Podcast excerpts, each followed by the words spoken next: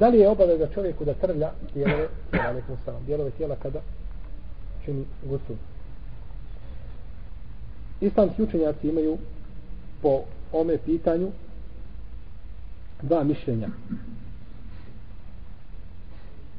Džumhur uleme osim imama Malika i Muzenija čiji je imam Muzeni čiji je to učenjak El Muzeni čiji je to bio učenik a mučenik imama Šafije. To je najpoznat to vam je Ebu to vam je ovaj Muhammed kod, kod e, ili Ebu Jusuf kod Ebu Hanife. U redu. To znači najpoznatiji učenik koji isprenio njegov šta? Mezheb. Mezheb imamama. Muhtesarul Muzani. Muhtesarul Muzani. U jedno vrijeme učenjaci spominju kada bi se žena udavala da bi joj spakovali Kur'an i Muhtesar tu knjigu skraćeni tik muzenija da bi to spakovali kao hediju. Ženi koja se udaje a kako je danas pakuju zlata srebra tako su njima pakovali Mushaf i Muhtesaru el Muzeni na koga imam El Mawardi dao svoj komentar El Hawil Kebir danas štampan u 24 toma pakova. To nam ukazuje na dvije stvari. Prvo da su to vrijeme žene učile fik. Da su učile fik, jer ne bi to pakovali. I druga stvar da su žene učile Kur'an. Je tako? I ukazuje nam na treću stvar, to je na vrijednost ovoga šta? Djela. Jer se ne daje mladencu nego što je nešto što je šta? Najbolje, najljepše. Allah hvala.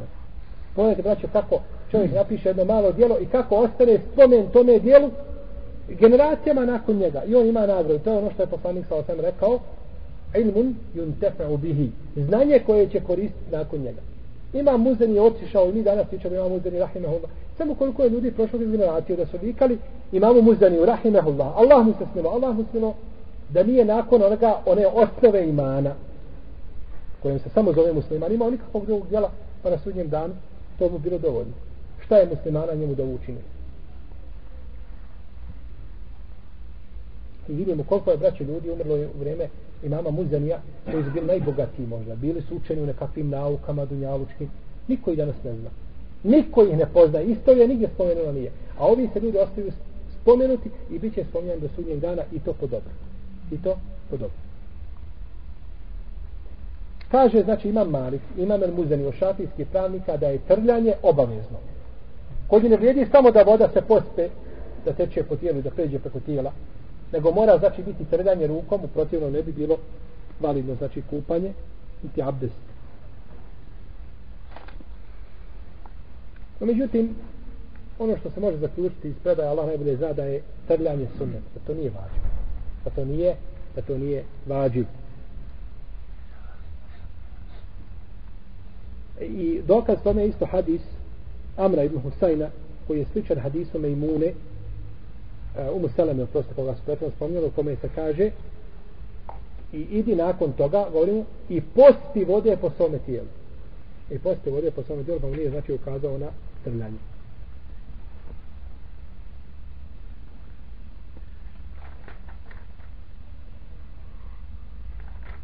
Sad znači čovjek stao ispod duša, kupao se i došla voda na svaki dio njegovog tijela, ne bi morao trljati. Međutim, nije upotpunio ono najbolje jer prava čistoća se može postići kako?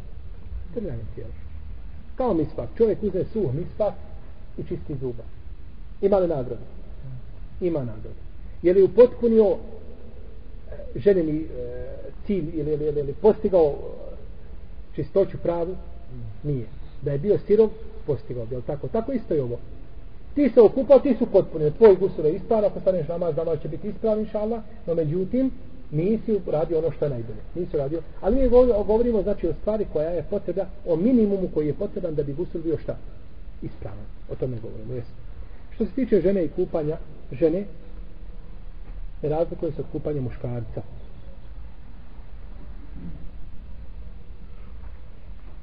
Jedino kada se žena kupa od gusula ne mora raspletati svoje pletenice.